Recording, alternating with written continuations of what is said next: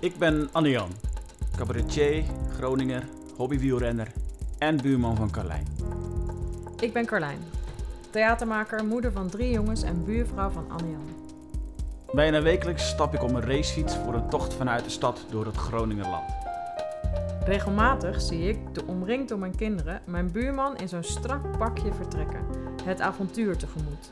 En ik stel me voor hoe Anne-Jan dorpen en gehuchten doorkruist. Plaatsen die ik bij momenten graag idealiseer. Waar ik over lees in de krant en waarvan ik de prachthuizen voorbij zie komen op Funda.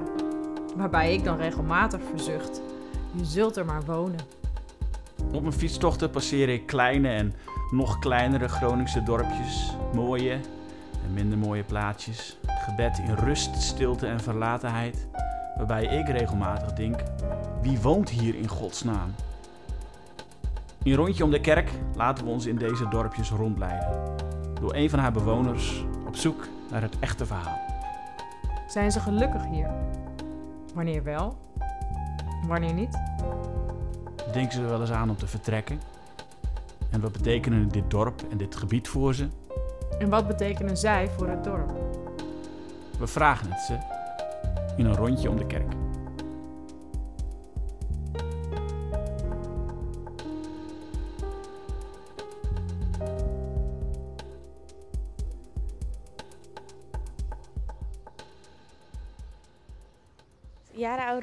Larissa. Ik noem mezelf Jaar. ja, mensen zeggen altijd, hey Jaar. dus ja, of Jara gewoon. Nou, welkom in Appingedam. Appingedam, tussen Loppersum en Delfzijl. Een stad die in de geschiedenis floreerde als havenstad en bekend is door zijn hangende keukens en de bronsmotorfabriek, heeft ook zwaar weer te verduren gehad. Bodemdaling, aardschokken, leegstand, waterstijging. We zeggen wel allemaal dorp, maar het is eigenlijk zijn stad. De naam is afgeleid van een dam in de rivier de Appe, of een verwijzing naar de familienaam Abbo. We zijn in Opwierde, een klein dorp dat aan Appingedam vastgroeide. Ik ben gewoon heel erg aan het zoeken naar mezelf, hoe ik uiteindelijk eh, wil gaan staan. We wilden graag een verhaal van een puber. Eh, jong volwassen. ik ben nu 16. Over hoe een jong volwassene deze plek ervaart. Ik vind het niet fijn. Ik vind het, nee, het is, ik vind het een beetje, eh, eh, ik zie het een beetje als een gat. Zeg maar. Yara moeten we hebben, volgens mevrouw Hartjes, haar mentor.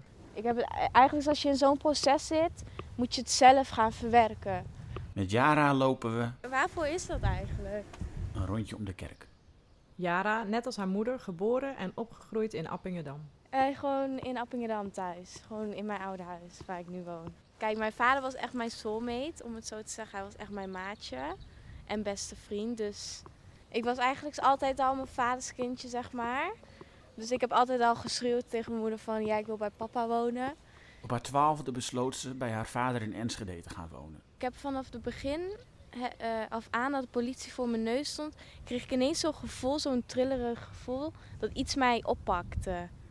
Het was, heel het was echt een heel bijzonder gevoel. Haar vader stierf aan een hartaanval. En toen de politie bij ons huis was, zeg maar, toen, toen ik het hoorde, toen vroegen ze aan mij van, eh, zou je nog iets van je vader willen? Eh, wat hij om heeft of zo. En toen zei ik als eerste, ja, ik, ik zou wel graag die kruis willen. En Yara keerde na drie jaar terug naar Appingedam. Als 15-jarige, inmiddels een stadsmeisje, met een hoofd vol dromen en een hart vol verdriet. Mijn moeder is Spaans Oké. en mijn vader is Molux. Dus ik ben half Molux, half Spaans. We hebben elkaar leren kennen in Temptation. Dat was een oude discotheek hier in Appingedam. Haar opa en oma van haar moeders kant wonen om de hoek. Respect. Dat is het belangrijk. Als je je hebt geen respect, dan heb je niets meer. Een jong volwassene die tussen de weilanden droomt over de Spaanse bergen en de palmbomen in L.A. Ze schetst ons een beeld dat dapper en tegelijkertijd verdrietig is. Tegenwoordig heeft niemand echt meer belangstelling in jou of zo. Nee? Nee, dat is echt zo met de jeugd. Nee. Waar merk je dat aan? Gewoon geen, eh, eh, hoe zeg je dat, geen eh, interesse tonen. Alleen maar jezelf denken. We starten onze wandeling bij haar school in de wijk op Wierde. Voor Anne Jan zijn zijn herinneringen aan middelbare scholen niet per se rooskleurig. Ik kom er graag omdat ik jonge mensen over het algemeen makkelijker te begrijpen vind dan volwassenen. Nog acht weekjes. Dan heb ik vakantie. Ben ik bevrijd. Ja, voor mij was het echt gewoon een tussenweg. Dus eh, ik ben daar helemaal uitgeleerd. Dus voor mij is het echt gewoon nog een paar weken even volhouden. We vragen haar of ze iets gaat missen aan de school. Als ze volgend jaar naar Groningen gaat om daar aan het Alpha College aan de opleiding Sport en Bewegen te beginnen. Ja, mevrouw Hartjes. Mijn mentor. Mevrouw Hartjes. Sylvia is degene die ons aan elkaar gekoppeld heeft. Na aanleiding van een telefoongesprek met haar zei ik vanmorgen tegen Anne-Jan... elke ouder hoopt dat zijn of haar kind zo'n leraar krijgt ergens in het leven. Ik denk dat haar naam haar eer aandoet. Ja, ik ken haar eigenlijk altijd al heel goed. Zij heeft ook met mijn vader gevolleybald altijd. Gewoon haar sfeer. Gewoon haar... eh, als ik even wil praten met haar. We lopen van de George Martin School door een doorsnee woonwijk met rijtjeshuizen en lage flats. Want er wordt heel veel gebouwd hier, maar het is allemaal voor ouderen. Ik ben echt een stadsmens. Ik denk dat ik nog wel eens terug zal gaan om het gewoon te zien. Omdat het toch wel gewoon je huis is, zeg maar, je plaats. Maar eh, ik zou hier niet willen wonen of zo. Nee. Familie mee en eh, weggaan. Geboren worden in een stad die aanvoelt als een dorp, weggaan, weer terugkomen en eigenlijk weer weg willen. Hoe komt dat en vooral hoe voelt dat? Haar opa, Er zijn heel veel mensen die graag weg willen van de plaats waar ze wonen. Alleen zijn twee dingen. Je moet de kans voor krijgen en je moet durven. Ja. Want er zijn veel mensen die durven niet. Ging ook ooit weg en kwam in Appingedam aan. En dat voelde meteen als thuis. Gelijk dacht ik, hier pas ik goed bij. Ik zal hier no- nooit weggaan. Maar de moeder, eh, zijn moeder, die het is, als ze niet getrouwd geweest geen kinderen, dat zou ook weggaan. Maar haar moeder bleef en kreeg twee kinderen. Yara en haar broer. Op mijn eh, tweede, ja, toen ik twee was, toen zijn ze uit elkaar gegaan. Want mijn vader die viel op mannen. Dus toen heb ik mijn vader twee jaar of drie jaar niet gezien. En daarna wel weer. En mijn moeder, mijn ouders waren gewoon goed hoor. Die konden wel gewoon echt goed met elkaar. Mijn vader had altijd wel zo'n gevoel dat hij op mannen viel. Maar toen hij dat vertelde aan iedereen, toen is mijn moeder wel een tijdje heel erg eh, down geweest en zo. Ze moest wel even een plekje geven, zeg maar. Voor mij is het normaal, ja. Ja, jij weet niet Ik, nee, ik, ik, als ik zo moet zeggen, ik zie mijn vader ook echt niet met een vrouw. Dus. Want ze zijn getrouwd op de Molukken. En als je dan uit elkaar gaat, hoort het bij ons te zijn dat je dan ook weer teruggaat om het af te sluiten. En hun hebben dat nooit gedaan, zeg maar. En eh, toen mijn vader overleden was, toen heeft ze een droom gehad dat mijn vader bij haar kwam. En toen vroeg mijn vader of, of ze opnieuw met, eh, met mijn vader wou trouwen. Inmiddels zijn we op de George van Saxenlaan en we kijken uit over een goed onderhouden nieuwbouwstraat. Het is gewoon een Molukse wijk. Hier wonen alleen maar Molukkers. Maar eigenlijk zie, zie je dit als één familie eigenlijk. De Mam- een Molukse, ge- Molukse familie is allemaal heel hecht met elkaar. Dus je ziet, met feesten ook zie je iedereen naar elkaar toe lopen, zeg maar. Dus even eh, tussendoor, dit is de Molukse kerk trouwens. Ik kwam hier altijd als klein kind wel. Dan gingen we gewoon naar de kerk. En hierachter heb je een zondagschoolkerk, was dat altijd. We vragen haar hoe dat werkt met God en haar. Ze gaat niet meer naar de kerk. Alleen met kerst of andere feestdagen. Eh, ik geloof bijvoorbeeld wel in leven na de dood of zo. Waar ik wel heel erg in geloof is dat alles gebeurt met een reden. Soms bid ik ook gewoon, dan zeg ik ja, dank u voor alles, zeg maar. Dus eh, ja, op zich wel. Maar aan de andere kant geloof ik niet zo sterk in, in een letterlijke hemel of zo, een aparte plek. Maar ik geloof wel heel erg sterk in een, bijvoorbeeld in een geest of zo. Yara vertelt ons dat Molukkers geloven dat overlevenden nog 40 dagen hier op aarde zijn. Na die 40 dagen ga je naar de hemel. En wij hebben ook de 40ste dag hebben wij gevierd met mijn vader. Hebben we een hele grote feest gegeven achter mijn eh, tantes huis. En eh, ja, heel veel zouden dat dan erg vinden. Of ze zouden bijvoorbeeld met de familie thuis droevig zitten. Maar wij hebben het echt gewoon gevierd, zeg maar. Oh ja, trouwens, daar woon ik. Ze wijst op een huis daarachter, een van de rijtjeshuizen. Dat de derde huis, daar woon ik. Gek. Ze zijn meestal nieuwsgierig naar iemands huis, maar dat lijkt in het geval van Yara eigenlijk bijzaak. Ze is, lijkt het, overal op haar plek. Als we later bij haar oma op de bank belanden, wordt het beaamd. Ja, maar nou, ik denk dat hij zei, het is meer neutraal. Overal zou passen.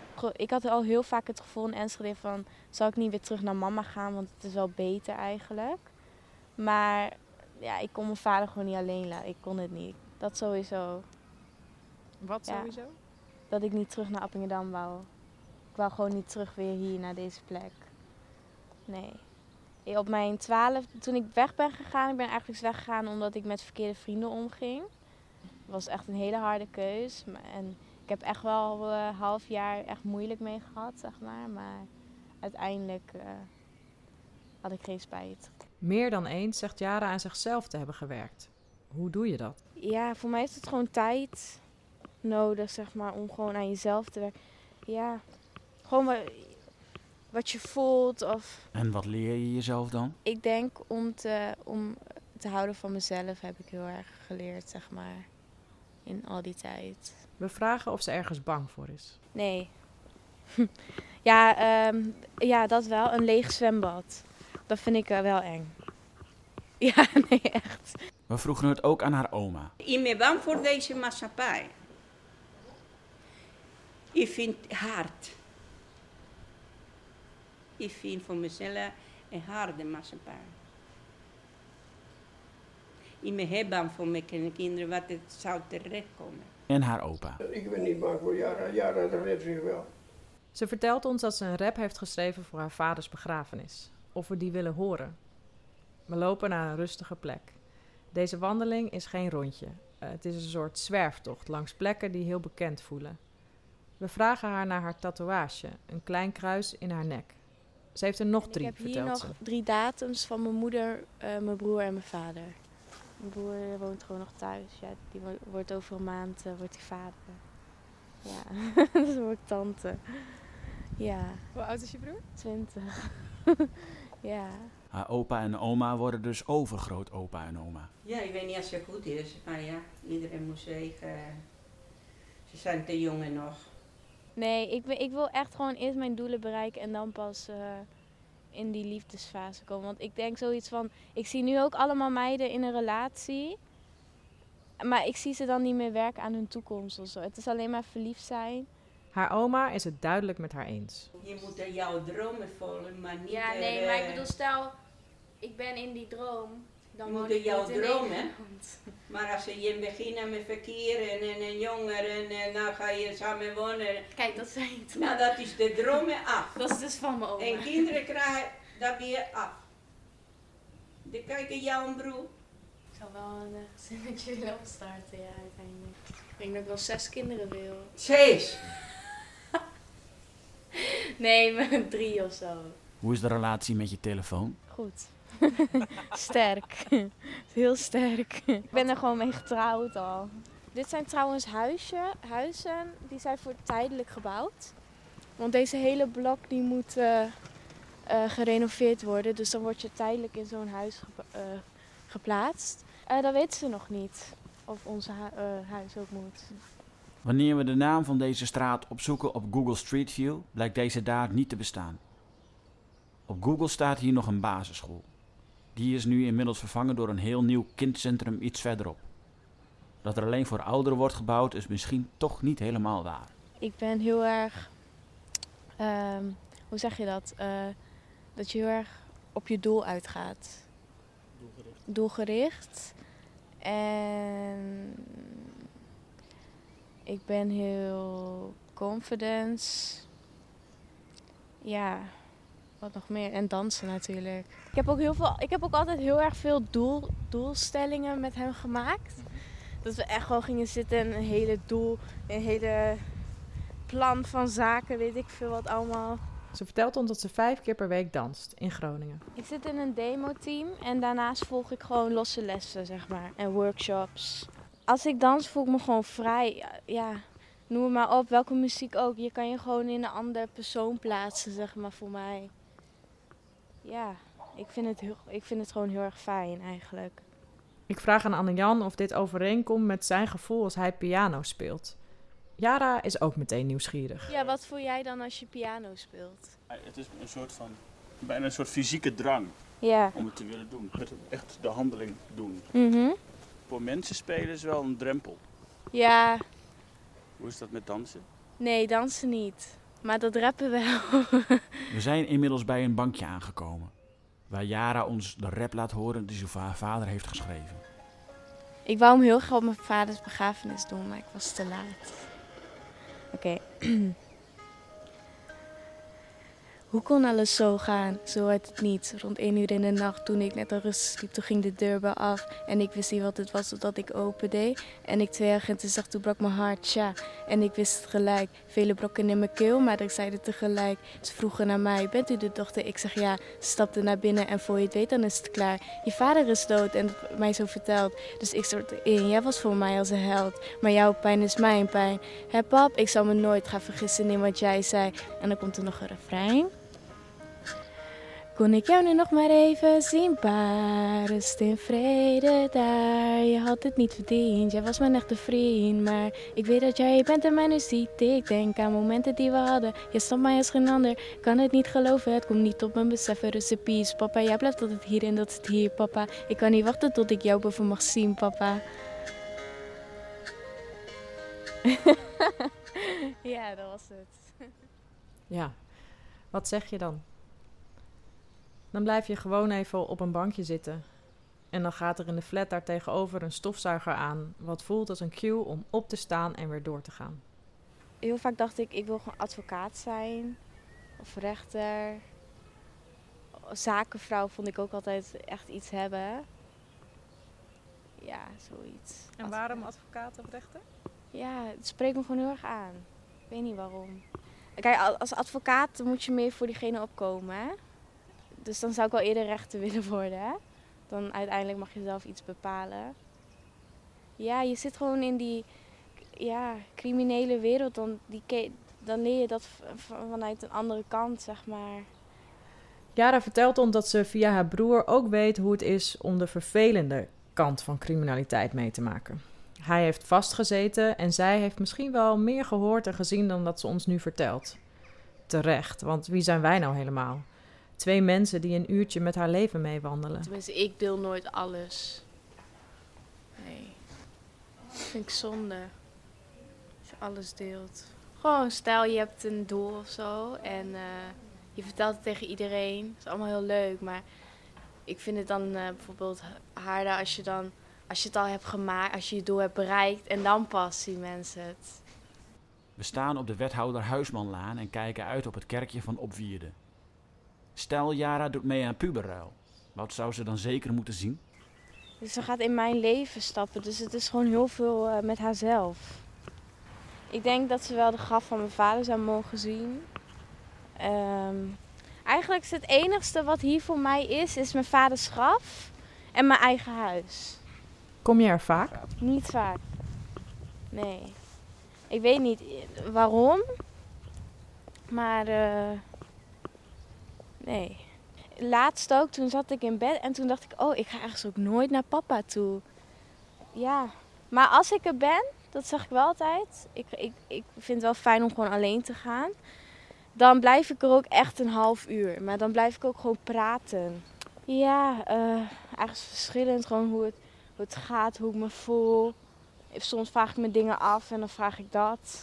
Misschien willen, willen jullie mijn opa en oma leren kennen? Hier eet ik altijd. Mijn oma gaat denken, komen ze met de microfoon aan. Hallo? Hallo? Oma is aan de telefoon, maar hangt meteen op zodra ze ons ziet. Haar mooie rode nachtjapon zou zo door kunnen gaan voor een jurk en ze nestelt zich bij ons met alle tijd van de wereld. Nou, ik vind het heel leuk met jullie te zijn. Oh, Sorry dat ik er niet aan gekleed 41 jaar geleden kwam ze hier wonen, vanuit Spanje. Hoe ze hier terecht kwam? Met de trein. Ze komt uit Sevilla, tegen de Marokkaanse grens. Het blijkt dat Jara en de andere kleinkinderen hier elke dag komen eten. De brood vliegen de deur uit. Ja, dat is de kleine, hè? De jongste. Dat is oma zijn kindje. Wat betekent haar oma voor Jara? Eh, eten. Nee, grapje. Nee. Nou, Nee, hoor. nou, dat is heel belangrijk hoor. Die heel Ja, belangrijk. gewoon dat ik altijd hierheen kan gaan. Ja, gewoon alles. Dat is toch je oma? Zowel zij als opa is voornamelijk positief over Nederland en Appingedam. Ik heb van die eerste dag al thuis gevoeld. En dat kwam in Groningen. Dan moet je opwinnen. En ik heb altijd tussen de Groninger. eh daar moet je een beetje met machine werken. Een beetje denken, nou, hoe hou ik het vol? Alleen het geklets is Nou, iets. daar hou ik helemaal niet van. Maar wordt er veel gekletst? Voor Ja. een vergekles. Maar ik kan me voorstellen met hem, met jouw vader, dat toen hij erachter kwam dat hij op mannen viel, dat dat hier in Appingedam misschien ook nog wel. Nou, daarom is de, die, die man denkend is weggegaan.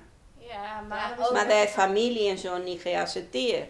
Maar de volle, de, de, de, de volle van waar hij komt vandaan, accepteren zo dingen niet. Nou, je moet accepteren de mensen zoals ze zijn. Jara trekt nog even de vriezer leeg. En we lopen met haar terug naar school. Tijdens de korte terugweg praten we door. Over haar vader en haar toekomst. Ja, ik lijk wel op hem, ja. In welke zin? Ehm, ik denk dat ik wel iets van zijn karakter heb. Ja, sowieso van zijn karakter, ja. Wat ze tegen haar vader wil zeggen moet even wachten, omdat Ik ben even met mijn ijsje bezig. Jij moet dit dan even vasthouden. Ik ben echt een soort klein kind. Nog een ijs aan zijn handen. We zeiden altijd tegen elkaar honey. Zeg maar, mijn- of mijn daddy cool. Ik denk dat ik dan zou zeggen van... eh, I'm gonna make it for you of zo. Zoiets.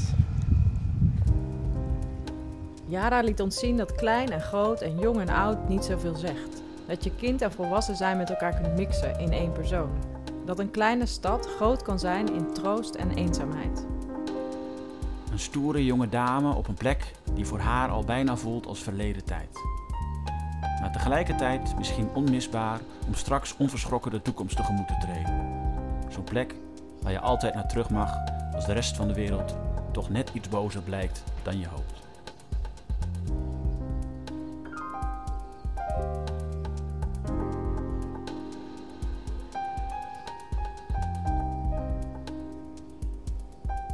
Rondje om de kerk is onderdeel van Festival Terug naar het Begin. En werd mede mogelijk gemaakt door de provincie Groningen.